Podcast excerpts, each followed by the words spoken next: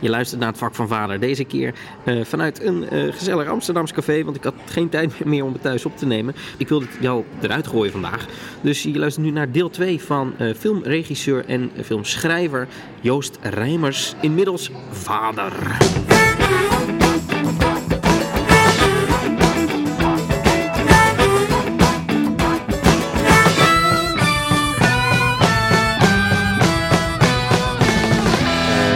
Je fantastisch mooie geboortekaartje. En eh, je vertelt over het gezeik wat je ermee hebt. Al het geklooi om de lettertypes goed te krijgen Ja. en, en het formaat. En ik had een mooi groen achtergrondje voor de tekening die ik gemaakt had. Maar dat kon de drukker er weer niet aan. Dus, Ja. eh, eh, en we wilden eigenlijk eh, 250 gram dikpapier aan beide kanten gedrukt. Ja. Maar dat papier was natuurlijk weer net op toen, wilden we, toen we wilden gaan bestellen. Dus is het toch weer dunner papier die je open kan vouwen. Maar dat was dan weer een stuk goedkoper. Dus nou, eh, heerlijk dat je, dat je tijdens, tijdens de chaos eh, van zo'n babytje... Ik, eh, dat je dan dat soort shit ook nog even lekker mag regelen. Of was dat, maakt het helemaal niet zoveel uit? Nou, nou ja, ik, wil, ik, wil, ik wilde gewoon dat het geboortekaartje echt wel mooi was. vet is, ja. Maar het was wel inderdaad, we hadden de afgelopen twee weken al een beetje gekeken wat we dan wilden hebben. En had je er eindelijk een keuze in gemaakt en dan wil je gaan bestellen. En dan is weer het natuurlijk weer net niet. Ja, je. Ach, ja, het is, dat, dat was echt de least of our worries. Ja, is ook zo. Is. Ja, man. Nou, on the other side, man. Ja, deze kant van het glas. Holy shit. Moest je daar nog aan denken? Of heb je daar helemaal niet meer... Heb je dat bewust zo gevoeld van... Oh ja, nu ben ik echt... Nu ben ik er. Ja. Ja, het voelde wel alsof je, alsof je à la Alice eh, door, door de spiegel heen eh, stapt inderdaad. Wat was het moment dat je aan... Hè, weet je, de transitie nog van plop, ik ben er nu doorheen. Nou ja, toen mijn baby plop zei. Ik stond achter Mijke. En ik zag er millimeter voor millimeter naar buiten komen. En toen ze plop zei, toen deden we mij ook wel plop, ja. Ja. Ja, Holy shit, wat een moment. ja, man. En ging dat, hoe ging dat toen? Ze, ze kwamen... eh, zijn jullie nou... Nee, thuis, hè? Want het We zijn thuis snel. bevallen. Ja. Ja. Ja, jouw vrouw Monique was onze doula. Ja. Ehm godzijdank. Want ik had het in mijn eentje, had, was het waarschijnlijk echt eh fucking trauma geworden voor mij. Het ging zo snel. Ja, dat begreep ik. Om Ja. zeven uur was hier de eerste verloskundige. En die checkte bij mij en die zei, nou, het gaat allemaal hartstikke goed en keurig. En ze was weer weg.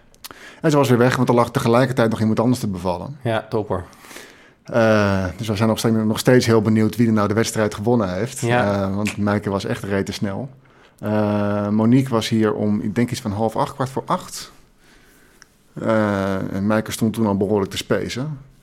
Ja, weten wij veel hoe, hef, je, hoe heftig is heftig. Ja, weet je je, weet wel? het niet, je de- bent je nooit. weet het niet. Je hebt het nog nooit gedaan. Nee. Wat ik van de buitenkant, wat ik hoorde van Moni, is dat het inderdaad echt zo snel ging dat ze bijna geen pauze meer kreeg tussen de weeën op een gegeven nee, moment. ze had geen, geen rust meer. En als eh, en eh, dat als Mono ook niet had gezegd van nou die verloskundige moet nu echt komen, dan hadden jullie gewoon hier met z'n tweetjes gestaan en een kind eh, Ja, met z'n tweeën ter wereld. Ja, we, we zijn nu hier in de woonkamer.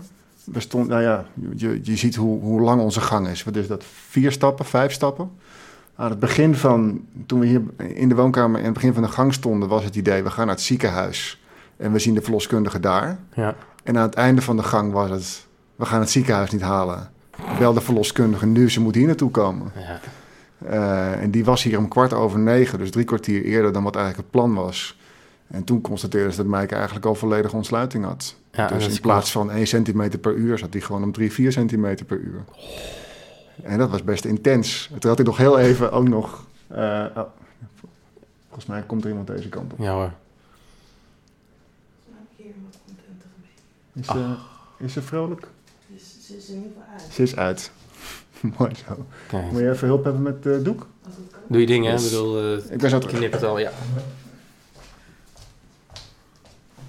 Ik zie een heel, eh, heel mooi, eh, eh, hele mooie scène van twee ouders die een heel klein babytje in een draagdoek aan het stoppen zijn. Met heel veel plezier.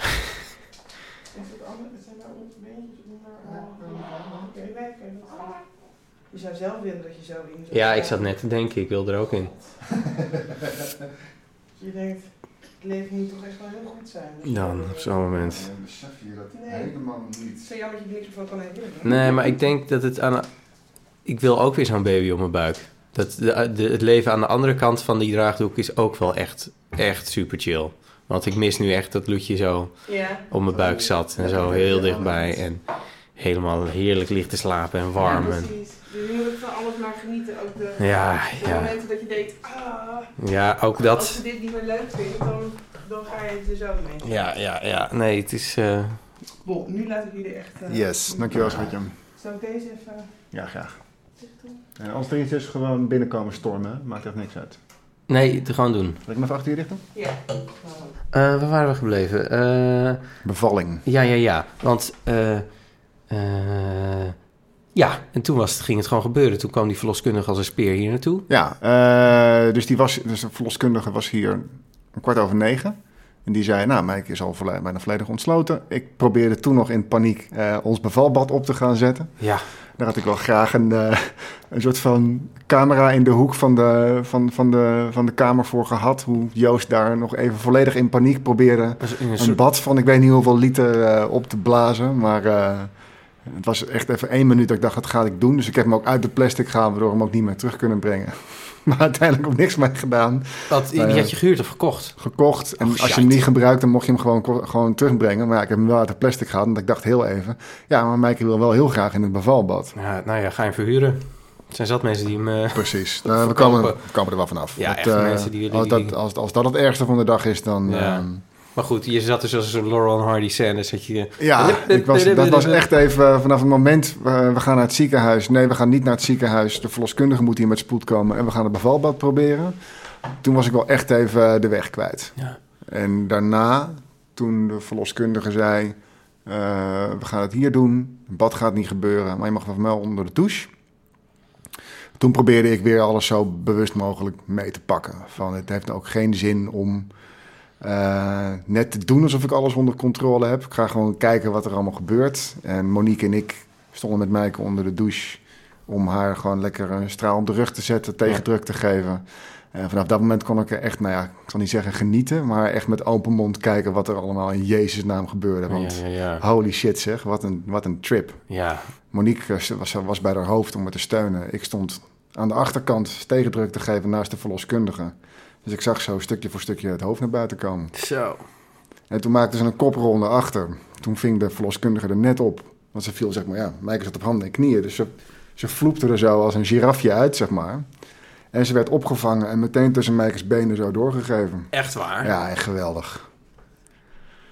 Nou, we hebben eerst echt nog wel een tijdje... Heeft Mijke op de knieën gezeten. En toen waren we gewoon even een tijdje gewoon in awe aan het kijken naar...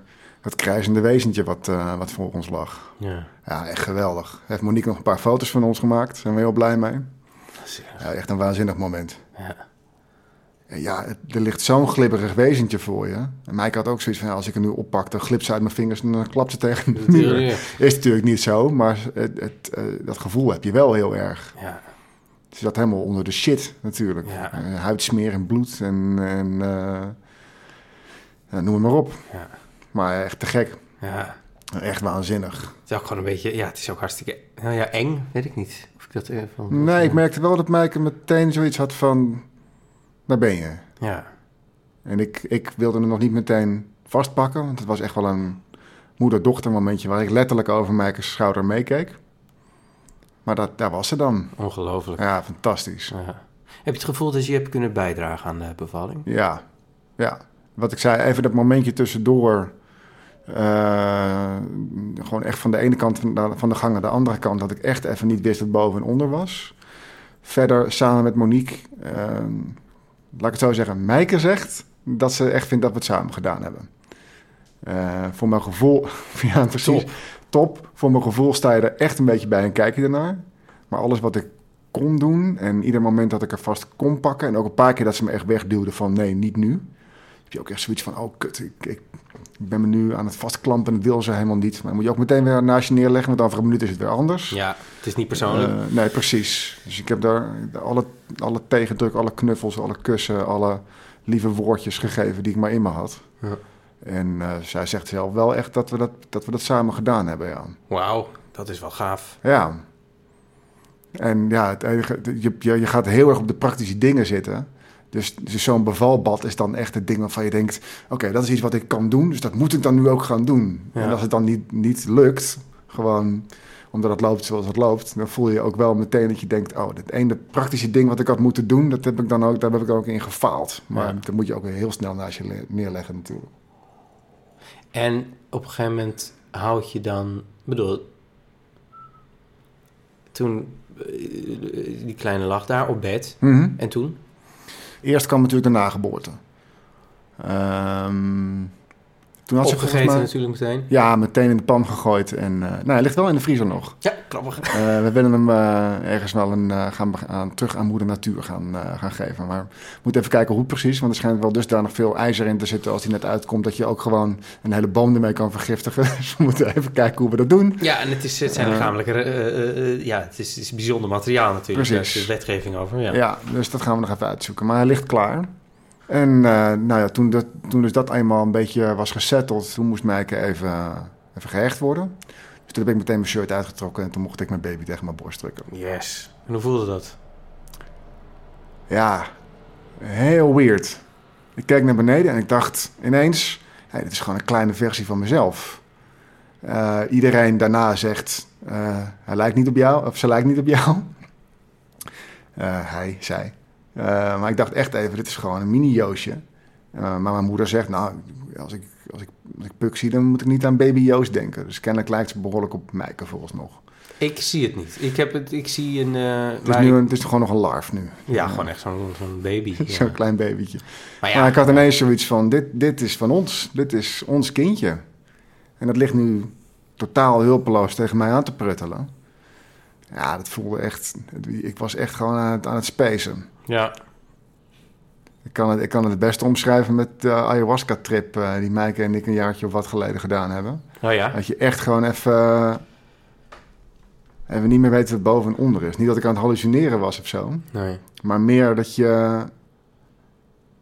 Dat je gewoon, dat je gewoon echt alleen nog maar aan het, aan het waarnemen bent. En helemaal Ja. niet meer aan het, aan, het, aan het nadenken bent of zo. Maar Ik vond die hele situatie toen ook zo ontiegelijk van de pot gerukt. Want jullie zijn wel in een bevalbad. Ja, bevalbad toch? thuis. En, en jij zat ook bij Moon in bad. Ja, Achter tijd. haar of voor ja, haar? achter haar, voor haar. En Moon die zat de hele tijd rondjes te draaien, want die zat de hele tijd zo, nou ja, te, te bewegen. En ik zat er maar bij en eh, de momenten dat ik kon, inderdaad ook haar vasthouden. Maar gewoon die hele, inderdaad, wat je beschrijft, het is gewoon die hele sfeer, dit hele gebeuren. Mhm. Het is zo alsof je in een film bent geplopt, zo flop. Ja, Dat is iets wat je nooit bij, in de verste verte ook maar meemaakt, nee, precies. vond ik. Maar bij jou, in jouw geval kwam er dus gewoon ineens een beetje boven water. Nou, dit viel wel mee, want bij ons ging het veel langzamer. Bij ons heeft het Mhm. heel erg lang geduurd. Want Moon had ook nog twee dagen een soort van schijnwee. Of in ieder geval Ja. dat het opkwam en daarna weer wegging. Ja, ja, ja. Want daar, waren, daar was Maaike dus ook een beetje bang voor. Van ja, straks komt de zon op. Eh, moeten we weer helemaal van vooraf aan beginnen. En twee uur later was er ineens een baby. Dus, Ja. eh, maar bij jullie was dat wel Ja, anders. anders. Ja, ja, ja het is ik vind het ook zo absurd. Het verschilt zo. Je zou denken inderdaad, met je eerste baby duurt het langer. Hmm. Maar dat hoeft dus blijkbaar helemaal Nee, ja, wij, wij gingen uit van een weekje bovenop de uitgerekende datum. Dat is een Ja. beetje gemiddeld. Eh, uit van 1 centimeter ontsluiting per uur. Dat is een beetje gemiddeld. Ja, Nou, ze is twee dagen voor de uitgerekende datum binnen 12 uur geboren. ja, tering hadden, ja, ja. Ja, is zijn voordeel heeft ook zijn ook zijn Ja, nadeel, nee, ik was, ik, en, en, en daarna gaan we weer even naar, naar jouw, Oh. jouw verhaal toe. hoor. Ehm, ik was dus heel bang dat, omdat het zo snel ging, dat dat weer zijn weerslag bij Mijke zou hebben. Dat ze Ja. zoiets had van, ik, ik, het ging allemaal zo snel. Ik, eh, snel hoeft niet per se ook leuk te zijn. Nee, dat heb ik ook begrepen, ja. Ehm, Dat je maar gelukkig, en ik heb er al een paar keer om gevraagd en ik moet er ook over blijven praten. Maar ik wel Mijke meerdere keren horen zeggen dat het wel helemaal gegaan is zoals het in, in de sterren had, had, had eh, geschreven, had gestaan. Zeg maar. Ja, ja, ja. Eh, en ook door Monique en door de mensen die hier waren. Ehm, dat ze in ieder geval geen moment. Het was natuurlijk wel zoiets van: holy shit, wat gebeurt er? En een paar keer gezegd: jongens, dit gaat nooit passen, dit, dit kan helemaal niet. Ja, Eh, maar allemaal binnen de kaders van dat hoort erbij. En niet van eh, dat je achteraf denkt: wat is me allemaal overkomen? ja. En dat, dat voelt wel heel fijn. Of ik heb er geen prettig gevoel bij. Nee, precies. Fijn zeg. Maar goed, bij jullie duurde het een stuk langer. Ja, Ja, ja, dat was echt anders. We begonnen met twee dagen. We begonnen een week van tevoren, zo ongeveer vijf dagen van tevoren, met s'nachts inderdaad weeën Hmm. die een beetje opkwamen. En die eerste nachten dachten we van, oh, het gaat beginnen. En die dag daarna gingen we dan nog taart bakken en gingen we nog koffie drinken ergens. Dachten we van, nou, over eh, binnen 24 uur hebben wij een kind. Ja, mooi Nou, niet. No way. Dat ging gewoon weer weg. Die weeën, dat hield gewoon weer op. Oh, wat vermoeiend lijkt me dat ook, en de man. volgende dag weer, en de volgende dag weer. Maar slaap je ook Nauwelijks. nul. Nou ja, nauwelijks. Ja, Mona al helemaal weinig. Eh, maar eh Moon die had eh, ook heel stellig bedacht... die gaat, ik wil absoluut niet naar het ziekenhuis of Hmm. waar dan ook naartoe. Ik wil het thuis doen. Hm. Dus die heeft daar echt aan vastgehouden. Dus die was heel sterk de, in een, ja, vijf dagen lang gewoon s'nachts weeën. En pas die laatste dag ergens, ik weet het ook niet meer zo goed. Het is gek hoe het ook Hm. hoe snel dat weer verdwijnt. Dat, wat er precies is gebeurd. Maar toen begon het echt een beetje door te zetten, maar toen nog steeds heel langzaam. En eh, dan adviseren ze ook om zo lang mogelijk alle prettige dingen, zoals een bevalbad en een douche en Mhm. rebozen, om dat zoveel mogelijk uit te stellen totdat je het echt niet meer, totdat het echt nodig is. Want dan kan je het van je vanaf daar weer gebruiken. Als je het te snel inzet, ja, dan heeft het, verliest het zijn effect te Ja, vroeg. nou, dat was dus ook onze angst. Ja, Niet weten dat binnen afzienbare tijd er ineens een baby op bed zou liggen. Tering snel, ja. Het grappig, we hebben echt de tegenovergestelde bevalling Ja, eh, bizar. meegemaakt. Ja. Nou ja, en uiteindelijk, om het lang verhaal kort te maken, heb ik dat bevalbad heel rustig op kunnen zetten. Terwijl Moon op de bank lag te buffen. En ehm, eh, die ook, eh, eh, nou ja, die stond daar dus al rustig en iedereen kwam een beetje binnen. Die waren er bij, jou, bij jullie allemaal bij. We hadden ook de verloskundige en een kraamzorger die ook doula was Oké. tegelijkertijd. Oh, wauw. Achtig. Was dat gewoon mazzel of was dat bedacht? Nee, dat was wel een beetje bedacht. Maar we hadden ook al eerder ontmoet en een gesprek gehad en gedacht van... Oh Ja, ja, ja. ja, jou lijkt van stof. Fijn. En Moon die zat toen ook nog niet zodanig in haar eh doula-schap. Mhm. Want nu zou ze weer heel andere keuzes maken. Ja, Want precies. alles van sinds zij nu een dochter heeft... eh, is ze er helemaal in gedoken. En sindsdien Mhm. is ze ook die carrière-switch eh, aangegaan. Dus nu heeft ze ook weer hele andere informatie. Ja, precies. En heeft ze ook weer een heel ander idee hoe ze het wil. Maar kijkt zij wel met, met fijne herinneringen terug op de bevalling? Of Ja een beetje en gemengde nee. gevoelens? Ja, precies. Het is sommige dingen die zijn heel goed gegaan. Er is heel blij mee dat het thuis is gebeurd in bad. Eh, maar wat ze niet zo tof vond, ze had hem heel, heel graag had ze zelf Lou willen aanpakken. Bijvoorbeeld wat prima had gekund. Hm. Of had ze zelf ehm, eventjes willen laten liggen, gewoon in de handen, Mhm. zonder op de borst te leggen. Het zijn een paar details die ze toch niet zo tof zonder op de, werd ze meteen op de borst gelegd? Ja, en de, en de verloskundige die had wat, die veegde ook wat weg en die zat ook te praten. Die ging meteen kijken met een lichtje. ja, ja. En er gebeurden een paar dingen waarvan, nu ze weet dat het had gekund, eh, waarvan ze best wel baalt dat het niet zo is gegaan. Hm. Kijk, en dan valt er natuurlijk een hele hoop te zeggen. Vergeleken met mensen die een horrorbevalling hebben in het ziekenhuis, Hm. hebben wij nog steeds een prachtige bevalling eh, gehad. Hm. Maar goed, je moet nog wat te wensen over hebben natuurlijk als je... Nee, maar nu ik dit hoor, denk ik dat dat zijn ook wel precies de dingen waar Moon heel scherp op was bij onze bevalling. Van, eh, ze willen echt dat, dat hun stemmen de eerste zijn. De, de, de, de, alle tests en dingen komen straks wel. Ja. Eh, daar was ze echt wel heel scherp op. Ja, ja precies. Ja, omdat ze dat zo belangrijk vindt. Ja, dat snap ik heel goed nu. En omdat ze weet hoe belangrijk het voor moeders kan zijn, voornamelijk moeders, kan zijn om eh, die echt die eerste seconde bijna, om Mhm. die heel zorgvuldig aan te pakken. Ja, En omdat Ja. daar gewoon weinig eh, eh, focus op is door me- de medische kant, wat Mhm. logisch is. Want daar gaat het op dat moment niet om. Het gaat erom dat iedereen leeft ja, en functioneert. ja. En dan is Moon er dan weer voor om te zorgen dat jullie... dat het ook een hele mooie... want dat kan het zijn, een hele mooie ervaring kan worden. Nou ja, we hebben een, een boek van Monique geleend, eh, Positief over bevallen. En een van de eerste stellingen daarin is... eh, dat, wat iedereen natuurlijk zegt is... eh, alles is oké als het kind maar gezond is. En in dat boek staat... eh, dat het kind gezond is, zou onderaan de prioriteitenlijst moeten komen in plaats van bovenaan. En daar moest ik echt wel even over nadenken van, hè, wat bedoel je daar nou mee? Maar het minste wat je kan verwachten, is dat iedereen zijn best doet om het kind gezond ter wereld te brengen. En al het andere, daar moet je je voor in gaan zetten. Ja. Ehm, nou, daar hebben wij mensen voor om ons heen verzameld. Heb jij een dat- advies voor vaders die dit luisteren... die nog eh, een bevalling tegemoet hebben? Zou je iets kunnen zeggen van... Nou, ik zit wel met een paar mensen te praten die hebben zoiets hebben van ja, zo'n bevalplan en zo. En, en weet je wel, je weet toch niet hoe het gaat. Dus waarom zijn, wij zijn daar een schoolvoorbeeld van. van alles wat we, wat we van tevoren over nagedacht hadden, is niet, is niet op ons pad terechtgekomen. Maar je hebt er wel over nagedacht. En toch was het heel fijn om daar heel serieus over nagedacht te hebben. Ehm, dat boek Positief over bevallen, omdat Mijke gewoon de concentratie niet had om zelf te lezen, was ik gewoon even op een gegeven moment ergens halverwege in het boek. Ik was eerst naar het hoofdstuk over bevalplannen gegaan.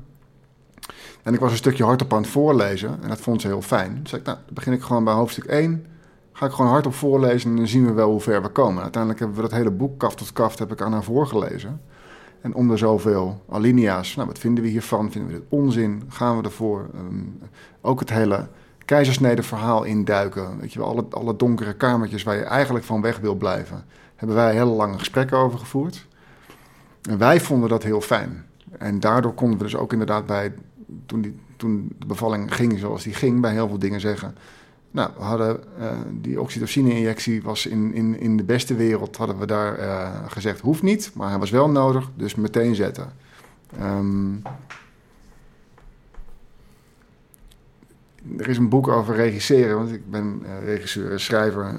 De Film Directors In- Intuition heet die, geloof ik.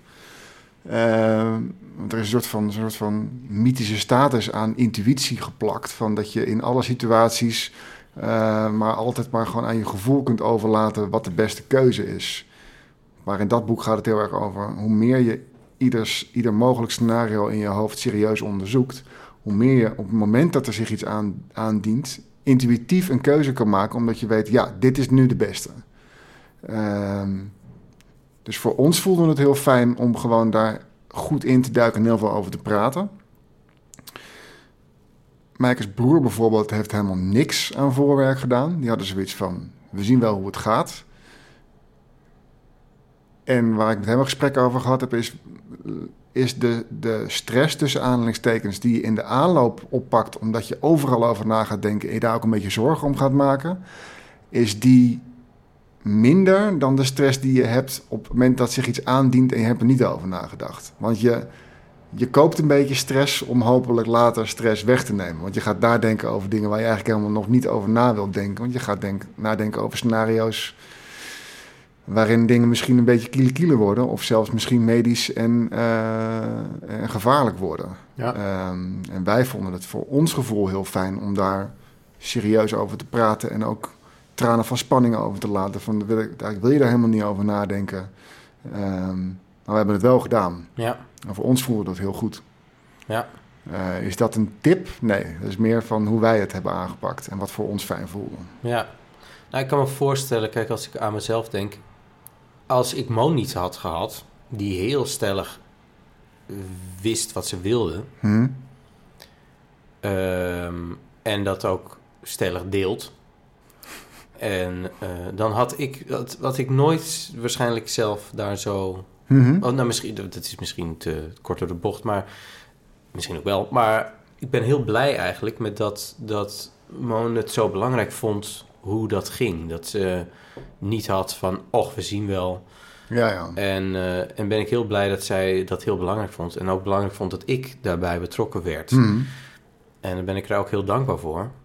Want daardoor heb ik hetzelfde gevoel als wat jij hebt nu eh, tijdens die bevalling gehad. Dat je geïnformeerd bent Mhm. over alles. En dat je over alles ook van tevoren een soort hunch kan hebben van... nou, als het voorkomt, denk ik dat ik deze keus maak. Mhm. Maar het hoeft niet zo te zijn. Dus dat je eigenlijk eerder geïnformeerde stress hebt... dan een soort blinde paniek. Ja, nou, dat was voor, voor ons ook de, eh, naar de keuze. In de, in de maanden toelopend naar de bevalling eh, groeiden we daar meer en meer naartoe. Ja. Nou, dan... En we merkten wel, we hebben gewoon heel veel gelezen en gepraat over de bevalling. En de dagen daarna hadden we eigenlijk nog niet zo heel erg ingedoken. Ik vraag me ook af in hoeverre dat kan. Wat? In hoeverre, in hoeverre je, als je zwanger bent, je echt kunt duiken in die kraamweek. Ja, want hoe... Dat was voor ons, dat was voor ons wel even schrikken. Daar zit je nu in. Puk is twee weken. Ja, kraamweek is, eh, is al wel afgesloten. Een, Oké. een weekje afgesloten, vorige week vrijdag. Dus er komt geen kraamzorg meer langs. Nee. Ehm, eh, de, ja, er is een enorme discrepantie natuurlijk tussen hoe je nadenkt over de kraamweek en nu je er zelf in zit. Ja, Dat is gewoon een wereld van verschil. Of valt het wel mee? Nee, er waren allemaal dingen eh, waar ik eh, niet eens een klein beetje eh, een voorstelling, voorstelling van had kunnen maken. Kan je voorbeeld geven? Ehm, nou, ten eerste, wat ik, wat ik net vertelde, eh, bevalling van Meike, eh, Monique erbij, eh, Lisa, de verloskundige, Lisanne, de kraamverzorgster. Je, bent echt een man in een vrouwenwereld. En daar had ik zoiets van, daar ga ik me lekker aan overgeven. Dit is niet mijn moment, dit is, dit is de woman's journey. Dus ik ga alles doen wat ik, er, wat, ik er, wat, ik, wat ik kan doen om haar daarin bij te staan en bewust mee te maken. Maar het gaat nu even niet om mij. Dit is, dit is, dit is een, een vrouwenverhaal. En ik merkte wel binnen een paar dagen dat het, het was zo overweldigend vrouwelijk allemaal. En je, hoewel ook de wat jongere, modernere vrouwen toch ook best wel een beetje laatdunkend over mannen doen. Met hele kleine opmerkingjes. Bijvoorbeeld? Ehm, de eerste drie dagen waren echt feest. Het was echt één grote roze wolk en droom. En ik had echt zoiets van, nou, dit, we zijn echt de... We're owning this. Eh, dit is, iedereen die hierover eh te zeuren heeft, dit is echt het meest fantastische wat me ooit overkomen is. Toen kwam dag vier. Toen werd- Mijke wakker met echt twee keiharde meloenen in de BH. De borsten waren echt overnight keihard geworden. Die had zoiets van, oké, dit is dus die stuwing waar we het over hebben. En zelfs toen dacht ik nog, nou, die borstvoeding die gaat helemaal top. Eh, dit is, eh, we're on a roll, weet je wel. Dit gaat fantastisch. Maar ze stonden zo strak en zo hard... dat Puk helemaal die, die, eh, die niet meer kon, kon binnenhalen. Dus het was gewoon echt, het, was gewoon alsof ze een puntje aan een meloen moest zuigen. Dat ging gewoon echt niet. Dus dat kind werd helemaal overstuur. Mijke werd hartstikke verdrietig, want die dacht, ik kan, ik kan mijn kind niet voeden. Eh, dus en, en intussen had ze dus eigenlijk al drie, vier nachten nog geen oog dicht gedaan.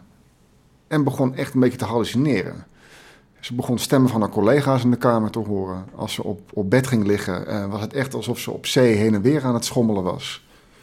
En haar oma heeft eh, een zwangerschapspsychose gehad. Dus toen we dat de volgende ochtend aan de kraamzorg vertelden, werd het wel echt heel serieus genomen. Eh, huisarts gebeld en die zei: Nou, we gaan je wat slaapmedicatie voorschrijven. Want dit is, dit is niet goed. Dit, dit zorgt voor iedereen voor, voor stress. En dat is voor de baby niet goed, dus voor jou niet goed. Die nacht had Maaike dus een beetje afgekolfd. En was een echt drama hier in huis. Met Maaike die totale wanhoop. Zoiets had van, eh, het, lukt niet. En zij heeft duidelijk hartstikke honger. En eh, het kind totaal overstuur. En dan heb je in de boekjes gelezen dat je de eerste drie, vier weken nog geen speentjes en geen flesjes mag doen. Want dat is niet goed voor eh, dat ze dan de tepel niet meer goed aanpakken. Maar ja, ik had zoiets van, we hebben melk in de vriezer liggen. Ik ga het ontdooien en ik ga die fles erin proppen. Want dit gaat gewoon, het kind moet gewoon wat binnenkrijgen. Want die is gewoon, die, die, die, die, hoofd het schreeuwen straks. Hadden we zoiets van, of dat, of dat negatieve effecten heeft, zien we morgen wel weer. Dat is het enige wat ik nu nog kan bedenken. Nou, die fles hop, die ging er meteen in en was ook meteen leeg. Volgende ochtend eh, de kraamverzorgster erbij. En die zei, nou, ik vind dat jullie het hartstikke slim maar goed hebben opgelost. Eh, laten we er nu even voor gaan dat uh, Mijke dan die medicatie neemt, in bed s'nachts ligt te slapen. En dan maken we even een matrasje hier in de woonkamer voor Joost. Dan gaat Joost hier in de woonkamer liggen met Puk. Die geeft dan via een flesje afgekolfde melk. Uh, en dan kan Mijke tenminste gewoon goed slapen. En hoe we hier op uitkwamen was, en de term die dan gebruikt wordt is... en Joost die heeft dan even dienst vannacht. Alsof ik tot die tijd gewoon geen fuck aan het uitvoeren was. En het is zo'n lekker termpje van, weet je wel, dan heeft, dan heeft de vader even dienst. Maar dat voelt echt alsof je even gezegd wordt, nou, en nu mag jij ook even wat doen. Terwijl ik tot die tijd voor mijn gevoel van hot naar her aan het rennen was om... Ik, mijn idee was, ik neem vier weken vrij van mijn werk en ik ga alles voor mij doen wat ze nodig heeft. In mijn hoofd, ik ga boodschappen doen, ik ga koken. Zodra ze zegt, ik wil dit, dan weet ik, dat al, dan weet ik al dat ze het in de hand heeft. Had niet bedacht dat het zou betekenen dat we los van elkaar in verschillende kamers moesten gaan slapen, zodat zij de hallucinaties weg kon slapen. Uh, en toch, toen dat zich aandiende, had ik ook wel zoiets van, ja, en dit is dus nu hoe het voor ons is en dit is wat we nu gaan doen. En ook dit moeten we bewust meepakken en niet als iets super negatiefs zien, want dit is gewoon nu hoe het gaat. En, en ook dat gaan we missen straks. Dit superkleine hummeltje wat, wat totaal in overstuur en nog helemaal niks kan aangeven behalve volume 10 en, eh, en gaan. Maar dat je daarin dan toch als man toch een beetje als het sukkeltje wordt neergezet. Totaal niet bedoeld en ook helemaal niet... Het is, het is echt niet... eh, ik denk dat het een jaar of tien of twintig jaar geleden nog wel een tandje... Dan waren de mannen echt de sukkels.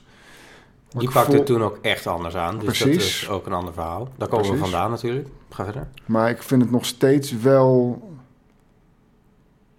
Ik merk, je merkt wel aan kleine termpjes dat je nog steeds wel wordt gezien als de persoon die er ook bij staat of zo. Je hebt nu het handje je- vastgehouden en eigenlijk de hele tijd een beetje met je pik in je hand. Ja, In de hoek van kamer gewacht. nu- en papa heeft vannacht dienst, dus die mag vanaf, vannacht ook even iets doen. Ja, Ehm, als de Hansworst die je bent. nou, zo voelt het. En ik weet dat het niet zo bedoeld is, maar zo voelt het wel een beetje. Ja. Want het is nogal wat om dan op nacht vijf eh, los van elkaar eh, de nacht door te gaan. Ja. Ehm, dat was niet hoe je dit van tevoren bedacht had. Zeker En niet als het- zulke drie mooie dagen. Ja, precies. Dat je echt dacht van wat een feest is dit. En ineens was het echt drama. En ook echt binnen een nacht. Ja. Nou, ook dat is allemaal uiteindelijk helemaal goed gekomen. Tuurlijk. En het had ook iets heel gezelligs. Het was, ik vond het heel kut om Maaike een nachtzoen te geven en de deur dicht te trekken... terwijl zij daar echt half spacend in bed eh zoiets had van... nou, dit is, dit is niet de roze wolk die ik me had voorgesteld. Maar hier in mijn eentje in de woonkamer liggen met dat kleine hummeltje naast me in zo'n lege kamer... en ineens beginnen die darmen te werken en de scheten en de, en de, de, de knaltoeters die, die, die galmen door de, door de ruimte heen. Nou, daar lig ik wel echt schuddenbuikend naast dat kleine hummeltje hier op de grond. Dus dat, dat vind ik dan wel weer hartstikke leuk. Ik had wel eens zoiets van, nou, dit is wel vader en dochter met z'n tweetjes of zo.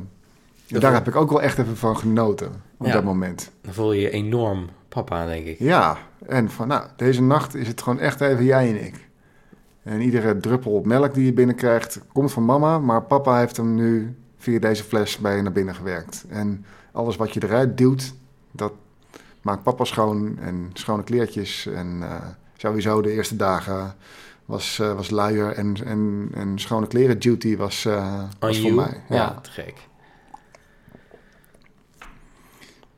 Ik zag laatst een, een stukje van, ehm, van een programma van Arie Boomsma. Die Mhm. ik ook wel graag in mijn programma wil, maar hij heeft geen tijd. Nou, jammer. Samen met Fabio, die ik ook wil vragen voor mijn programma, maar dat durf ik nog niet.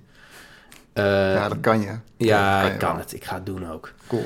Ehm, die deden een soort programmaatje en dat heette ook iets met vaders. Het ging over vaderschap, gingen ze er ook over praten. Maar dat begon dan met hoe snel kan je een luier omdoen bij een pop.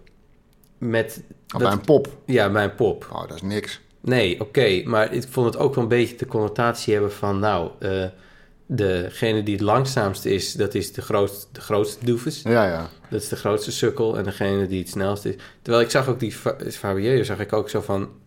eh waar, die, zag ik met een soort, met een soort puzzel, puzzel zo'n vraagteken boven zo van... Wacht even, ik heb al twee kinderen, ik doe continu luiers. Ja. Waarom moet ik nu hier Nou ja, de ik- fuck gaan bewijzen? Bij de, bij de tweede kraamverzorgster, die een schat was trouwens, die had echt een luier in een recordtempo om. Dat ik echt, dat ik echt, ik, ik knip met mijn ogen en hij zat om. Ik, Ja. oh, oh, ik deed, daar veel langer over en die, die ruffeltjes bij de beentjes goed. En, Ja, ja, ja. Maar toen ze weg was en die luier vol zat, zat het wel echt helemaal langs de been. Was mij nog niet overkomen. Ik doe het dan misschien een minuut over, of twee. Maar hij zit dan wel goed. ja. Eh, dus ja, wat is snel? Ja, mannen houden gewoon van wedstrijdjes, toch? Wie Ja, misschien, maar ik vond het eerder... de- de- inderdaad, dat één. Maar ook ten tweede, dat ik denk, vond ik het ook wel... Dat ik dacht van ja, ik bedoel, ik sta altijd continu luisteren. Moet ik nu gaan bewijzen hoe goed ik luister? Ja, ja. Alsof het een soort proef is van... Je bent pas echt een papa als je een luier kan doen. Ja. Of zoiets. Terwijl ik vind het juist een eh, eerder... eh, eerder ben je, ben je een vader als je, als je... Of een goede vader als je...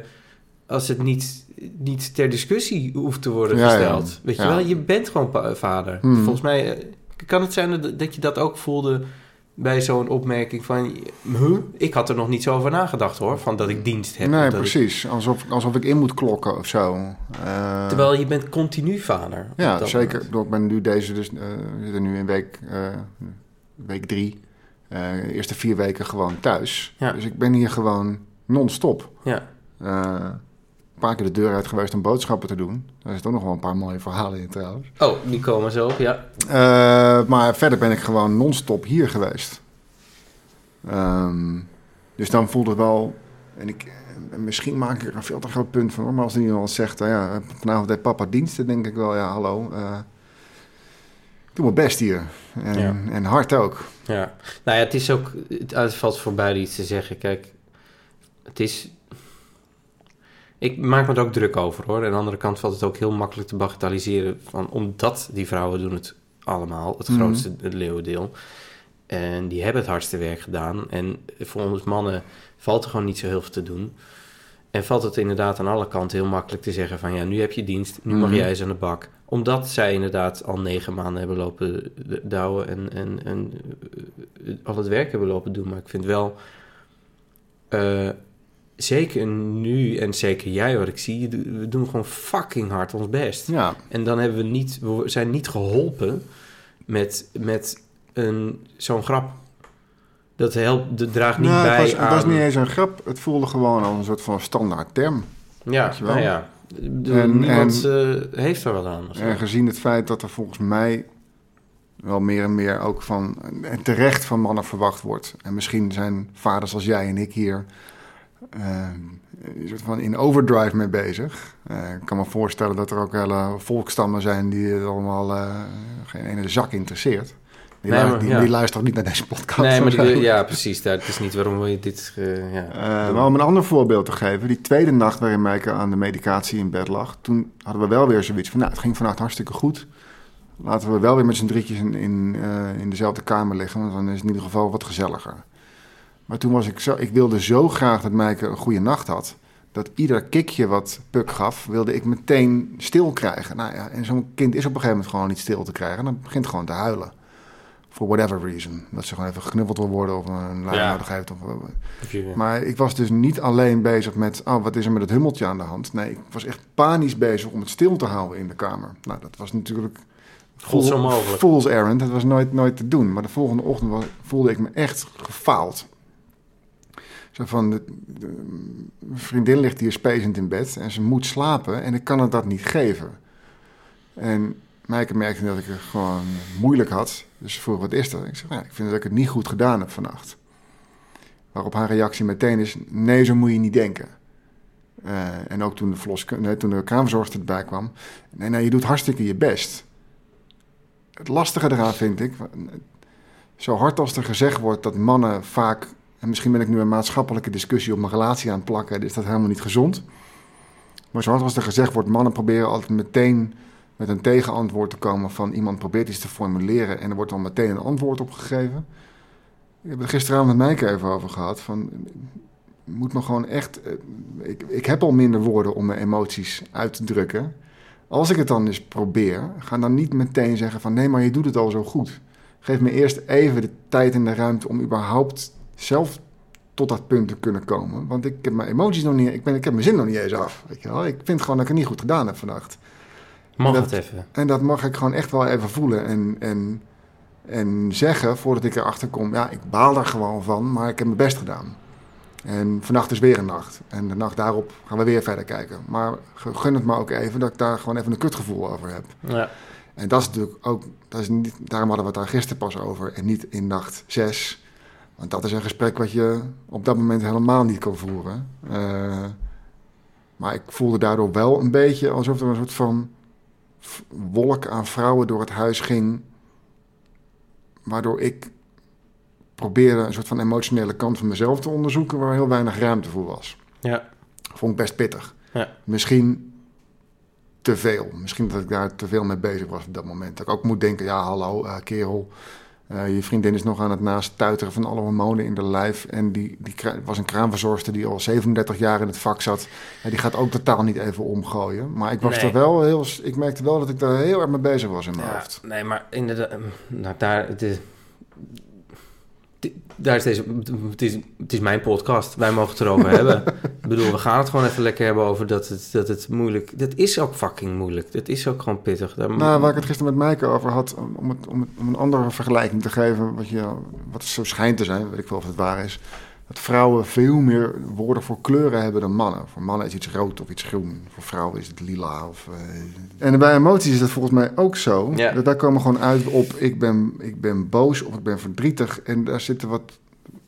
Ik, ik heb de kunde ook nog niet helemaal om daar wat, om, om daar wat subtieler mee om te gaan. Ja. Dus op het moment dat je zegt ik ben boos, dan voelt het voor Maaike waarschijnlijk ook als een soort van super primaire emotie. Terwijl het misschien helemaal niet zo zwaar is. Maar ik, heb de ruimte, ik krijg de ruimte ook niet om het misschien nog voor mezelf iets een beetje te polijsten of zo. Maar we zijn ook wat gemankeerder. eh, eh, ja, ik gooi het gewoon daarop. We zijn ook gewoon wat gemankeerder daarmee opgevoed. Ons voorland is gewoon ook wat Hmm.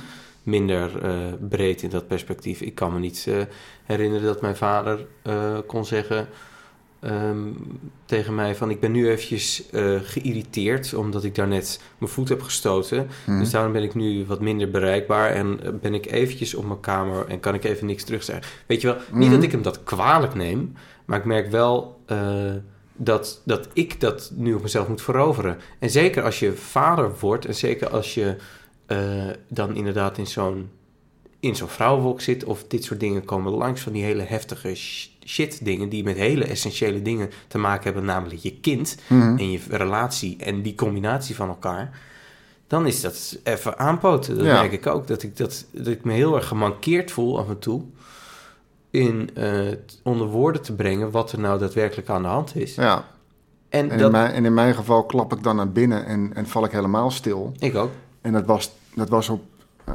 niet afgelopen vrijdag, maar de vrijdag daarvoor, dat Maaike echt zo... Ik dacht toen, het gaat, het gaat beter. En ineens zat ze hier s'avonds even met wanhoop straan op de, bank... Om, omdat Puk weer niet goed wilde aanhappen. En zei, ik stop ermee, ik kan dit niet. Ik, ik, ik, ik ben een slechte moeder en ik, eh, ik, wil, ik wil dit gewoon echt niet meer. Terwijl ik net naar mensen geappt had... Nou, volgens mij zijn we door het diepste dal Ik kreeg heen. zo'n eh, ik kreeg zo'n appje. Ja, precies. Eh, van nou, het, het- het- volgens mij beginnen we weer een beetje terug op die roze wolk te klimmen. En ineens was het een dieper dal dan daarvoor. En toen wist ik gewoon echt niet meer wat ik moest zeggen. Want ik kon ook niet zeggen, nou, even doorbijten, lief. Hè? Eh, kom op. Nee. En toen merkte ik wel, zo hard als ik probeer als vent er hier voor haar te zijn. En ik ga ook niet weg en ik ga ook niet de kroeg in. Maar ze heeft ook wel echt vrouwen om zich heen nodig die hier iets zinnigs over kunnen zeggen. Dus zo'n appgroepje met alle vriendinnen van haar die nu ook allemaal bevallen zijn. En ook met door dezelfde worstelingen gaan. En, en zo'n verloskundige die al 37 jaar in het vak zit. Ik vind het super waardevol, want die, die kon de volgende dag ook echt de rust geven om te zeggen... Weet je wat, kolf gewoon even een week af. Ga niet tussendoor het even een keertje proberen. Geef jezelf gewoon echt even die week rust. En het is, ze krijgt de voeding binnen. En Ja. je doet het hartstikke goed. Eh, en dat kan ik honderd keer zeggen. En toch, heb, toch kan ik dat niet vanuit mijn tenen tegen haar zeggen. Want ik Ja. weet echt niet hoe dat voelt. Ja, ik, we- Mona en ik kwamen er, eh, maar dat is ook pas, nou niet pas net, maar ook pas later achter dat we echt tegen elkaar konden zeggen van man en vrouw zijn helemaal niet gelijk op Mhm. zo'n moment. Het Nou, helpt gewoon niet. niet als, het, Nou ja. verschil tussen gelijk en hetzelfde. ja, bedoel, je snapt wat ik bedoel. Ja. In, deze, in, dit, in deze context Ja, kunnen, we, kunnen wij mannen af en toe gewoon niet geven nee. wat, wat een vrouw nodig heeft op zo'n moment bijvoorbeeld. En vice versa. Heb jij, heb jij ja, nou ja, was, ik weet niet. Ja, je bent nog niet de kroeg in geweest. Nee. En, eh, maar dan is dit ook een vraag voor, eh, voor, het volgende gesprek wat we over een jaar hebben misschien. Bijvoorbeeld. Ja, ben ik heel benieuwd hoe, eh, hoe je ervaring gaat zijn met, met andere mannen om het erover te hebben. Ehm, Ik bedoel, nu heb je er gewoon geen tijd voor gehad, kan ik me voorstellen. nee, ik ben wel een beetje aan het appen. Ik vond het heel fijn om met jou te kunnen appen hierover. Oh, Een paar andere jonge vaders om me heen. Ja, sorry, dat ik, Maar- ik heb misschien een beetje weinig teruggeappt bedacht Nee, van later. Van, Nee, maar het is wel lekker om het even van je af te schrijven soms. ja. Ehm, ja, je kan het wel bij me kwijt in ieder geval. Zeker. Ja. Maar zoals Maaike een, een, een Centering Pregnancy groepje heeft van, van haar verloskundige. eh, een hypnobirthing groep eh, waar ook allemaal kerels in zitten, maar die reageren niet echt. Eh Maaike heeft een jaarclub met zeven dames, inclusief zichzelf, waarvan er vijf nu allemaal of zwanger zijn of net bevallen. Ja, ik heb niet een, een appgroep met, met vijf jonge vaders die allemaal tegen dezelfde dingen aanlopen op dit moment. Het zijn of, of vaders zoals jij of mijn oudste vriend Arjan... die al een paar jaar voor me uitlopen. En dat is natuurlijk hartstikke fijn. Waarvan eh, even die, die, die warme woorden van... eh, laat het maar even over je heen komen. En ik, ik snap, je, ik, ik snap de, de angsten. Oh, gaat daar een, Hey. eh, een baby aan. Een baby gaat af. Maar dat is wat anders dan samen door dezelfde, door dezelfde duistere tunnel heen Ja. wandelen. Ja. Ehm, dus dat vind, ik wel, dat vind ik wel pittig soms, ja. Was dat de vraag? Ja, dat was Ja. de vraag. En, ik- en wat je zegt over de kroeg. eh, Zo'n soort van mama-café wat er dan is. Waar je dan twee keer per maand alle moeders lekker met baby's in een draagzak samen eh latte macchiato's kunnen drinken. En er een lactatiekundige langskomt om vragen over te stellen en zo. heerlijk, ja, te gek. Ik zie nergens papa-café staan. Nee. Dus, maar misschien is ieder café een papa-café. Ja, I don't know, man. Dat, eh, dat daar gewoon alle vaders eh, zitten te tanken achter de bar. eh, Ja, maar dat om is alle zorgen weg te, weg te werken. Maar het is wel wat anders dan we, Ja. gaan, we komen even bij elkaar om het hierover te hebben. Ja, nou ja, ook ik, ik heb net, eh, net, ik weet niet wanneer ik deze nou uitzend, maar net Patrick gehad. Die heeft dus een vadercafé. Oh, echt?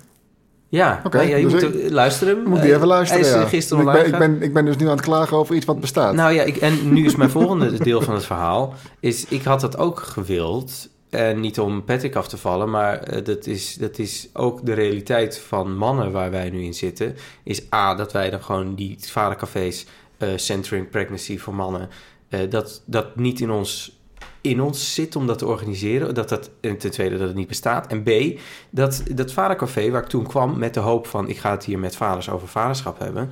Dat, en het is ook heel triest dat ik voornamelijk met gescheiden vaders eh, Oh, aan jeetje. tafel zat. Die het ook allemaal verschrikkelijk moeilijk hebben, omdat die voor een groot deel buiten hun vaderschap worden gesloten. een of heel, allemaal- een heel ander gesprek heb je dan. Heel ander gesprek hebben en, en wel een andere vader zat. Kijk, dus er zijn een heleboel, waar ik meer en meer achter kom met deze gesprekken en deze podcast, is dat er een heleboel aspecten van vaderschap zijn die allemaal een eigen eh, eh, gesprek en een eigen plek nodig hebben bijna. Mhm.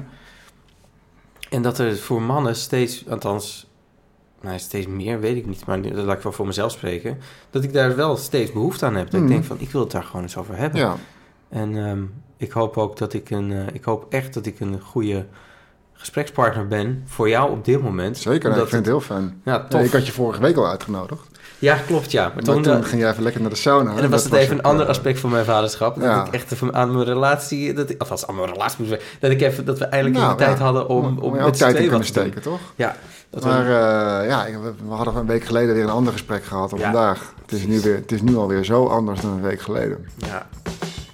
ja, dat dacht ik ook van, eh, ja, dat zou alweer heel anders zijn, ja.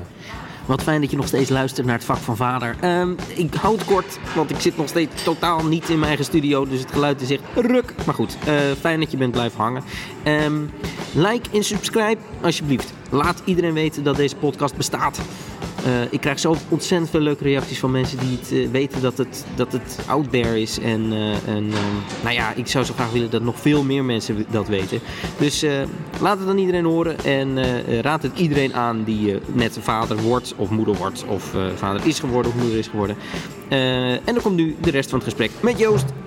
Hoe, hoe was het gesprek met je vader? Ehm, nou, vooral waar ik heel erg benieuwd naar was, was waar ik heel veel vragen over had. Van hoe, ik, ik was heel bewust bezig met eh, hoe gaan we de bevalling in? Eh, hoe gaan we, hoe gaan en ik dit aanpakken? Hoe gaan we de verdeling doen? En ik was gewoon heel benieuwd. Niet dat het op dezelfde manier zou gaan, maar hoe was dat 35, 36 jaar geleden? Hoe hebben mijn ouders het daarover gehad? Ehm, en het antwoord was eigenlijk gewoon niet. Gewoon niet echt over gehad. Nee. Ja, je moeder bleef thuis en ik ging, ik ging werken. Eh, en wel, ik heb wel hele mooie gesprekken gehad over zijn jeugd. Eh, hij is geboren eh, in 1940. Eh, Hij heeft de hongerwinter meegemaakt. En toen de oorlog voorbij was, heeft hij bij zijn grootouders gewoond. En daar, als je dan, dan daar gesprekken over voert, om, om om een voorbeeld te geven, dat, dat als opa dan thuis kwam toen hij bij zijn grootouders woonde, zal die zes, zeven jaar oud zijn geweest. kwam opa thuis, dan zat oma de piepers te schillen en dan ging eh, opa met de krant op de bank zitten, op, in zijn stoel zitten. En dan ging je de krant voorlezen. En dat was het nieuws. Meer was er gewoon niet. Als je, als je dat dan even plakt op wat wij allemaal voor mogelijkheden hebben. En ook inderdaad eh, alles wat we erover kunnen lezen. En, en ook misschien hier en daar kan ik me ook wel weer voorstellen dat de generatie van onze ouders wel vindt dat we hier en daar misschien er een beetje in doorslaan met alles wat we erover willen lezen en erover willen praten. En ik, ik, ik voel van Mijkers ouders en mijn ouders ook wel een beetje van ja jongens, jullie mogen het ook wel een beetje aan je gevoel overlaten. Dat snap ik ook wel. Uh, maar wij worden natuurlijk ook wel overladen met mogelijkheden en opties en, en kansen waar je gewoon een, een soort van uh, idee over moet gaan formuleren. Ja, Want gewoon maar blind zeggen, nou ja, mijn kind ziet het wel in de wereld. Ja, daar is, daar is, het, daar is het echt een andere wereld voor geworden. Je kan Ja. niet zeggen, ren maar naar buiten en maak maar vriendjes met je buurtje... en ik zie wel vanavond hoe laat je thuis komt. Dat zie ik gewoon niet gebeuren. Hier heb hebben wij nog, telefoon en eh, daar. en hebben wij nog een vrij rustige buurt. Ik, ik zou niet weten hoe je in Amsterdam... Als je in Amsterdam woont, dan ga je toch niet zeggen... eh, ren maar lekker eh, de markt op en ik, zie- ik zie wel hoe laat je thuis bent. Nee, maar überhaupt, het is gewoon echt heel anders, ja. En dat, dat vond ik leuk om, om het daar met mijn vader over te hebben. Maar Ja. over zijn vaderschap in de eerste periode, hè, dus niet toen we eenmaal tieners werden, toen, toen werd het weer een ander verhaal. Maar in de eerste periode over ons vaderschap en of hij het dan met zijn vrienden daarover had, nee, dat was niet een heel eh, vruchtbaar gesprek. Nee. En als je daar dan drie, drie dagen de tijd voor neemt, dan wordt het op een gegeven moment wel een beetje dat je denkt, oef, wat moet ik hier verder nog over Vragen. over vragen. Ja. Maar ik ben wel heel blij dat ik het gedaan heb. Ik zal niet, ik zal niet als mijn vader zijn ogen sluit denken...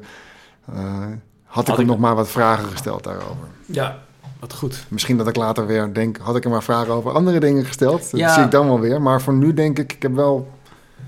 We hebben wel allebei ons best gedaan. Ook Precies. hij hoor. Het was voor hem natuurlijk ook niet, niet makkelijk om, om daar steeds maar weer in te duiken... en tot conclusie te moeten komen. Ik heb je niks Ja, dat, daar, ik heb hier niet zo heel veel over te vertellen. Dat is ook wel triest natuurlijk. Nou ja, misschien maak ik het ook weer wat zwaarder dan het is hoor. Ja. En, wat, en wat ik zei, ik vond het wel heel waardevol om het over zijn ervaringen te hebben. Maar ja, gewoon, papa ging werken en mama was thuis. Ja. Wel. Nou ja, ik heb een podcast met jouw vader gehoord. Ehm, een, een beetje dezelfde insteek. Van dat, ja, daar ook wel veel in gemist. Ja, En dat, ik, hij merkt nu ook wel dat als ik hem een fotootje stuur en berichtjes over hoe wij er nu in staan, dat hij ook wel hier en daar denkt, ja, dat, ik voel nu ook wel wat, wat ik daar destijds in, in aan me voorbij heb laten gaan. ja, wat ik had kunnen... Ja, En hoe, eh, hoe vindt hij het opa zijn? Hoe vindt hij dat? Ja, wel tof dat je dat vertelt. Want het is wel grappig dat hij dat nu met retro, retro perspectief kan zien. Van, oh Mhm. ja, dat jij bijna een voorbeeld kan zijn van hoe het had. Ik bedoel, hij heeft geen flikker aan. Net zoals mijn vader vertelde van, ja, spijt. eh, hoe, kan ik nou, hoe kan ik nou ergens... Ik kan er nu toch geen klap meer aan doen. Of Nee. ik kan nu toch... Het valt me Maar- niks meer te verbeteren of veranderen. Nou ja, dat was ik, dus toen, ik het, toen ik er nog een keertje over nadacht, was het niet helemaal mee eens. Want hij is daardoor wel een andere opa dan niet dat hij een vader is. Ja, ja. Dus ik vind, spijt is misschien zo van, ja, had ik het maar anders gedaan. Het is meer van, hoe, hoe, hoe doe ik het nu? met die kleintjes. Door die, door, die, door die ervaring. Ja. En dan is het dus niet een kwestie van spijt, maar eh, leg je het naast je neer of probeer je nog wel je gedrag nu, of, of je gedrag, je, je, je- je manier waarop je er nu mee omgaat, aan te passen op basis van hoe het toen gegaan is. En Ja. dat, dat vind ik wat anders dan spijt. Want inderdaad, het kut hoe het toen gegaan is, ja, daar kun je heel lang over gaan lopen dwepen, maar dat heeft natuurlijk niet zo heel veel zin. Nee, maar ik kan me, het is wel een goede vraag eh, die ik eens aan mijn vader zou kunnen stellen, of, of überhaupt. Van hoe, of je dan inderdaad een andere open bent, of je dan met die, wat je ziet bij mij, of bij mijn broer, of bij mijn zus, wat je daar ziet gebeuren, hoe zij met hun kinderen omgaan, of wat er tegenwoordig aan de hand is, heeft het ook invloed gehad op je, hoe je bent nu als opa, of hoe je daarmee omgaat. Nou, wat ik heel tof vond om te horen, eh, was dat hij zei... Ja, eh, als ik als vader thuis kwam, eh, kan ik chargeer even, herkende mijn kinderen me, me amper. En als opa komen mijn kleinkinderen wel met open armen op me afrennen. Ja, En niet dat hij dan, denk ik, zijn vaderschap gaat proberen over te doen met zijn opaschap... maar hij genoot daar wel duidelijk heel erg van ja. nu. Nee, en, ja, misschien wel, en misschien wel dubbel zo hard, omdat hij dat als vader zelf gemist had. Ja, nu is het opaschap natuurlijk weer totaal anders. Omdat je, Absoluut. je hebt een, natuurlijk een hele bijzondere positie als opa. Maar ehm, los daarvan, eh, ja, vind ik het, ja, lachen. Leuk dat je dat als, Ja. eh, als eh, aansnijdt. Ja, en, en hoe staat mijn vader erin? Nou, mijn vader is hier nu één keertje langs geweest op de dag van nog geboorte. Dezelfde dag nog? Hartstikke Ja, ze is, Tof. want ze is inderdaad half elf is Maaike bevallen. Tegen een uurtje of drie, vier gingen we onze ouders bellen. Nou, ik, ik kreeg niet eens één zin uit mijn mond. Ik begon meteen te janken. Dus Maaike moest het afmaken. En die, was, eh, die was in beide gevallen heel relaxed en kalm. Maaike zat echt in zo'n... In zo'n. Zo'n na-rush, zeg maar. Die kon Nice. heel relaxed en kalm vertellen hoe het allemaal gegaan was. Dus toen zeiden we ook tegen iedereen... Kom lekker hier naartoe, kom even kijken hoe het hier is. Ehm, dus Mijkes ouders waren hier als eerste. Ja, die waren razendsnel hier. Eh, toen kwam mijn vader even langs. En die wist natuurlijk ook dat mijn moeder eraan zat te komen. En die had zoiets van, ik kan de confrontatie met je moeder nu even niet, niet aan. Ook omdat er gewoon nog best wel wat emoties komen kijken bij het feit dat mijn broer is overleden toen ik 18 was. En dat komt ook allemaal weer oppoppen. Want eh Puk is 18 september geboren. Mijn broer was 26 september geboren. Dus dat ligt ook Ja, erg dat heeft dicht bij elkaar. En dus Dat ik, snap, momenten. ik snapte heel goed dat mijn vader nu zat van... Ik kan, ik kan niet even je moeder nu feliciteren en vrolijk zijn. En, dus die was, was hartstikke blij en super trots om het meisje te zien. En ging toen weer lekker naar huis toe. En in de dagen daarna kwamen we hem een soort van longontstekingje opzetten. Hm. Eh, kennelijk was hij daar vroeg genoeg bij. Eh, antibiotica is allemaal weer weg. Maar hij had zelf zoiets van... misschien is het even nu niet zo goed om, eh, langs te komen. om langs te komen. Dus aanstaande zondag komt hij weer vrolijk langs. Leuk, en met alle appjes en foto's die we sturen... is hij echt super trots en blij. En de rest van de familie wordt via hem volgens mij beter op de hoogte gehouden... dan ik, eh, dan ik me besef. Ja, vast. Hij is, eh, ja, ik bedoel, ik ben, ik ben de enige die voor, voor, voor klein kroost kan zorgen. Dus eh, zowel mijn moeder als mijn vader zijn super blij en trots Ja. en, en geëmotioneerd. Ja, ja, voor hun is het natuurlijk ook een transitie waar ze mee... eh, Zeker. Nou ja, dat is dan het vak van opa. Dat is weer- eh, dat zie je- mag Nu moet, moet, je, moet je vader maar mee beginnen. Ja, precies. ja, tof man. Ja, On the other side, man, ben je. ja. Zal ik het verhaal vertellen over de kraamtranen? Ja, en je had nog een verhaal over de supermarkt. Dat is hetzelfde verhaal. Mooi. Ik ben heel benieuwd. Eh, dag 4, wat ik vertelde eh, toen Mike ineens wakker werd met eh, super strak staande borsten. Toen was, was het drama nog niet, diende zich nog niet meteen aan. Mike was nog best wel, best wel chill. En er moesten even wat dingetjes gehaald worden. Ik had sowieso een dag na de bevalling had ik al even wat boodschappen in de supermarkt gedaan. Het ging op principe goed, hoewel ik de minst efficiënte route door de supermarkt genomen had, eh, die je maar kon bedenken. Weet je wel, van voor naar achter en weer Veel terug. Oh, precies. Maar ik kwam wel met de goede spullen thuis. Dus uiteindelijk eh duurde het allemaal wat langer dan ik, eh, dan ik wilde. Maar het kostte energie, maar ik kwam nog prima thuis. Op dag vier, toen was het zaterdag, toen moesten er even wat specifieke dingen gehaald worden. Zoals wat, weet die dingen, tepelcompress dingetjes. Maar wel vrij specifieke met een soort van gel erin. Die had ze van een vriendin gekregen en die werkte heel goed. En die waren meteen al bijna op. Dus ik moest even naar de etels om die dingen te halen. En de HEMA voor het hydrofiele handdoekjes. Een paar specifieke dingetjes. En ik had me even niet zo gerealiseerd dat het zaterdag was. Wat ik me wel had gerealiseerd was dat het dag 4 was. En dat er in de boekjes vaak staat... dag 4 kan de kraamtranen veroorzaken bij een vrouw. Want dan heb je een soort van, van terugklap van de hormonen... en dan kan het even flink drama zijn. Dus ik had me een beetje voorgenomen op een wat huileriger Mijke die dag. Ik stap op de fiets. Ik ging naar Nachtegaalstraat hier in Utrecht. Dat is een vrij drukke winkelstraat, zeker op zaterdag. En ik, en ik merkte al, toen ik op de fiets zat... fuck man, het komt echt... De wereld komt zo fucking heftig binnen. Vooral motoren en scooters die voorbij kwamen waren echt... Ik stond meteen helemaal strak en... eh, ik had een dikke winterjas aangetrokken, want het leek koud. Maar het was eigenlijk knetterwarm, dus ik zat al meteen zwetend op de fiets. En ik kwam daar in die winkelstraat aan en, en het was echt, nou ja, zaterdag druk. Dus alles kwam knetterhard binnen. Feest. Ethos, nou, twee van die, eh, van die meisjes die niet precies wisten wat ik, wat ik zocht. Dus ik, ik was dan nog een beetje in de weer aan het lopen. Nou, dat was er niet. Kruidvat, nou, ik heb op een normale dag wel een hekel aan een winkel kruidvat. Alles is daar zo op elkaar gepakt en dat is zo super druk. Ik wist ook niet meer hoe snel ik daar weer naar buiten moest komen met lege handen. naar de Albert Heijn boodschappen doen. Nou, ook allemaal weer... Moest melk halen en, en watermeloen en twee fucking zware tassen. En ik zweette me helemaal de tyfus. En ik kwam thuis en ik, ik zak echt als een, als, een, als, een, als een natte theedoek in elkaar. En ik ben naast Mijke als een soort van, in een soort van feutushouding gekropen. En het was niet Mijke met, met de kraamtranen, maar ik heb daar echt jankend als een kind naast haar op, uh, op bed gelegen. Omdat ik gewoon even een paar boodschappen was gaan doen. Ik zakte helemaal in elkaar. En dan staat dus ook de, de kraamverzorgster erbij en dan hoor je je vriendin zeggen... Het was even een beetje veel voor Joost. lig jij met je gezicht weggedrukt in je kussen. Oh man, ik, ik voel me echt de, de, de, de, de slapste zak van heel Nederland. Uh, gewoon omdat ik, omdat, ik, omdat ik even wat washandjes en een, en een watermeloen voor mijn vriendin moest gaan Ja, halen. ja. En ik, was er echt, ik moest echt een uur bij komen. Ja. En het zonlicht was fel, want hier binnen hadden we de gordijnen lekker dicht en, en kaarsjes en, en Ja. rustig. Alles, alles hier binnen was chill. Fijn. En de buitenwereld was echt mega heftig. Ja. Nou, ik vind het, Joost, ik vind het knap van je.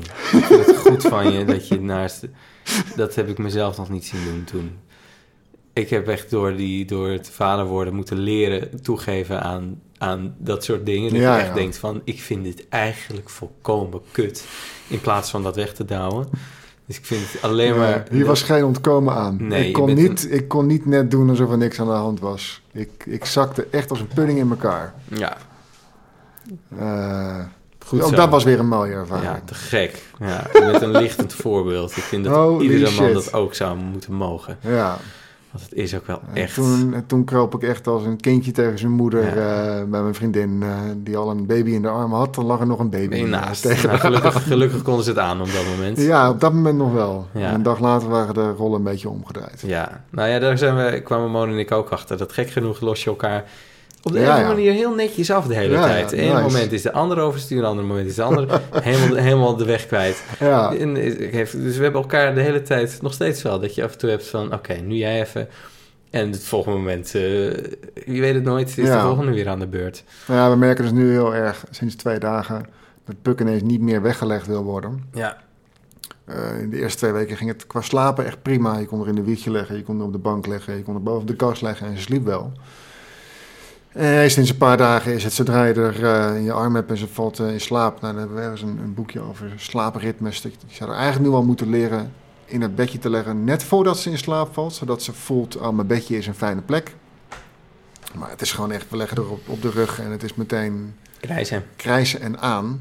Ehm, die ken ik. Ja, eh, je ook ineens denkt, nou, eh, geen idee eh, waar dit ineens vandaan komt. Maar ja, ook weer van mensen begrepen, ja, volgende week kan het weer 180 graden de andere kant op zijn. Wil ze alleen maar in het bedje liggen en zodra je erop pakt, eh, gaat ze helemaal los. ja, Dus inderdaad, je moet elkaar een beetje afwisselen. Je moet beseffen dat het volgende week weer totaal anders kan zijn dan nu. Ja. En wat ik wel heel erg merk, ik probeer het wel allemaal zo bewust mogelijk mee te maken, op te schrijven. Goed zeg. Want ik, ben, ik voel me wel echt het leven van mijn kruint op mijn tenen. Dat je denkt, dat dit is...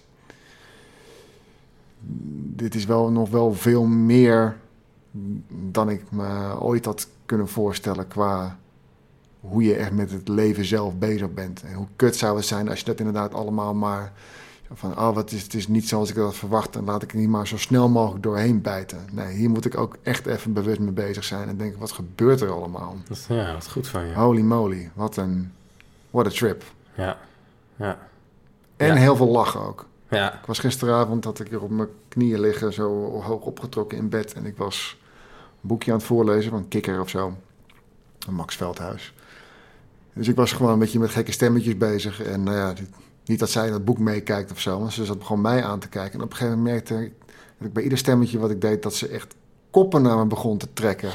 Echt bij de derde keer dat ik haar aankeek... en ze echt zat van... vent, wat ben je aan het doen? Echt tranen over mijn wangen stroomden van het lachen. Want het waren zulke primaire en intense blikken van... A, wie is deze man? B, wat is hij aan het doen? Doen. En C, het is ergens wel gezellig, maar ook een beetje weird. Ja. En dat... eh mij ging kwam echt de slaapkamer binnenlopen van... wat gebeurt hier? Ja. Echt, ik zat... Ik lag echt krom van het lachen om dat mooie meisje eh, Ja, in mijn ja, armen. ja. Heerlijk. Dus het is ook heel erg genieten. Ja. En hartverscheurend. En super onzeker. En gezellig. ja, de dalen zijn dieper en de toppen zijn hoger. Holy moly. Zuidamieters. Maar ja. Mooie dagen. Tof. Nou, dat, dat laatste, die diepe dalen en hoge toppen, dat, dat volgens mij is dat iets wat eh, je gewoon erbij krijgt Ja, als toch? je vader wordt. Dat gaat vanaf nu, eh, is dat zo? Heb ik het idee. Nou ja, maar dat, eh, dat bespreken we volgende keer. weer. Cool. Dankjewel voor je tijd. Ik ga hier als een Ja, speer sure. vandoor en jullie lekker... Nou ja, eh, rustig gewoon hoor. eh. ja, nou ja, ja nee, dat zei ik net al. Moon die had me verboden om lang te blijven. ja, maar, Maar het gaat, dan eh, bepalen we toch zelf een beetje. Ja, nee, dat ik is vind het gewoon heel gezellig dat je er bent. Ik ook. Dus ik, ben ook... We zitten hier al bijna anderhalf uur te kleppen. Lekker toch? Ehm, maar... Misschien kun je de helft eruit snijden omdat het niet boeiend is. Nee, maar dat zien we dan weer. Maar wat ik wel fijn vind is, dit is... Dit is gewoon een heel fijn huis hier. Althans, ik kom binnen in een hele chille... Het ziet eruit alsof jullie het heel... eh, al, die, al dat drama ervoor en achter... Wat wij ook hebben meegemaakt, dat maak je dan gewoon even niet mee. Dus het... Nou, het is, niet- ik, ben, niet- ik heb dingen niet weggestopt om, Nee, nee. om ze van je weg te houden. Nee, of nee, zo. nee, eh, maar het, het voelt wel zoals een heel eh, gezellig, warm Fijn. nest van drie. Ja, we zijn met z'n drietjes. ja, man. Dat zeggen we ook best vaak tegen elkaar. Holy shit. Ja, Er zijn, we, zijn, Ja. we zijn met z'n drieën nu. We hebben een dochter. je hebt een dochter. Wauw. Je kan jezelf nu vader noemen. Ja. Dit is mijn dochter. Dat vond ik Ja. ook wennen. Dat je echt denkt, wow, jezus. Nou, wat Matthijs zei, van, wel het gevoel dat je bij een club hoort nu of zo. Ja, man. Wel, eh, nou, nu is het natuurlijk echt alleen nog maar zorgen dat het eet, slaapt en rustig kan scheiden. Ja, maar dat verandert toch eigenlijk niet de komende Nee. 18 jaar. Ik bedoel, Geen eh, idee, eh, dat kan jij beter zeggen dan ik. ja, nou ja, ik durf het... Ja, nogmaals, ik wil niet te veel... eh, ja, ik vind het... Ik vind het, ja... Wat ik altijd van anderen hoorde, met oudere kinderen, denk ik altijd van... Ja, nou ja, I don't know, man. Het is... Weet ik veel. Als je jouw kind is zeven en die doet nu hele andere dingen. Ik, connect er wel mee, maar ook wel op een Ja, andere ja. manier helemaal weer niet. Dus ik vind het ook eigenlijk heel vervelend om advies...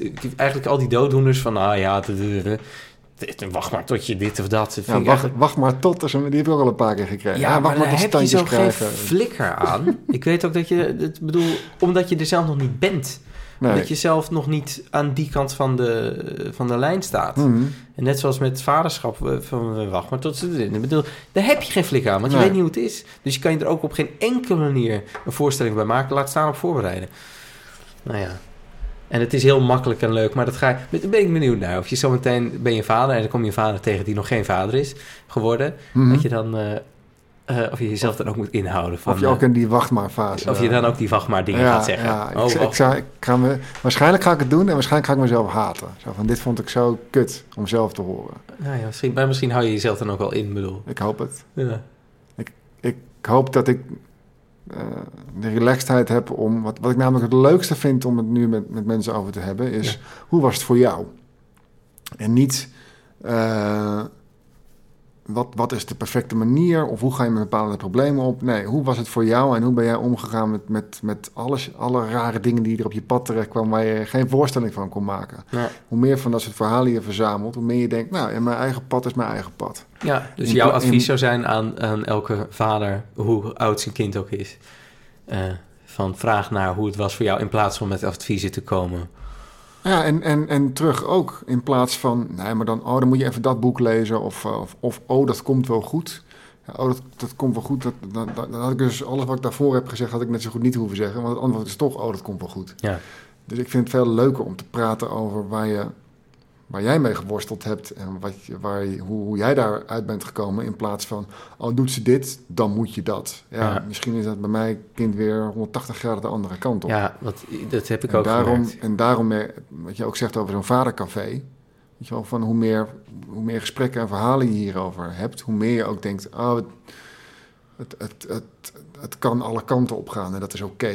Ja, er is, ja, maar daar moet je wel veel voor praten. En nou ja, de, de boekjes die ik nu heb zijn allemaal op mama gericht. Ja. Eh, op een paar na. Eh, het is wel, ik heb wel het gevoel dat dames hier een wat betere cultuur omheen hebben gebouwd... om hier met zoveel mogelijk met z'n allen eh, ervaringen over te is een beter geoutilleerd wat dat betreft, Ja. zeker weten. Nee, ja, wat zou ik nog zeggen? Ik, volgens mij is het goed voornemen, voor- ook voor deze podcast en ook voor elk gesprek wat we vanaf hier hebben. Dat het inderdaad is, het kan echt, het is voor iedereen zo anders. Hmm. En wij zijn toch een beetje als man met een als dit dan dat eh, idee. eh, met oplossingen, met, Mhm. eh, met antwoorden aankomen. Terwijl dat gewoon bij uitstek, bij zoiets primairs als vaderschap, zo dicht bij het leven staand, Mhm. dat er niks zo zeker is als hoe het vanaf hier gaat. Ja, precies. Dat vind ik ook zo wonderschoon aan vaderschap. Dat, dat gevoel maakt me zo eh, nederig. Vaak. Eh, het gevoel van... eh, Het wordt, het is, het is, eh, zodra ik denk te weten hoe het zit, zit het weer Anders. Zit het totaal Ja, anders. ja. Wie, ik weet er gewoon geen flikker van. Ja, mooi. Geen idee. Dankjewel voor dit Ja, gesprek, top. man. Thanks, man. Ja, heel fijn. Leuk. Ja, leuk om het erover te hebben. Hè? Ja, het is Ja. fijn om met, met, Ja. met me allen erover te hebben. Een leuk gesprek en er staan toevallig twee microfoons tussen. Ja, dat-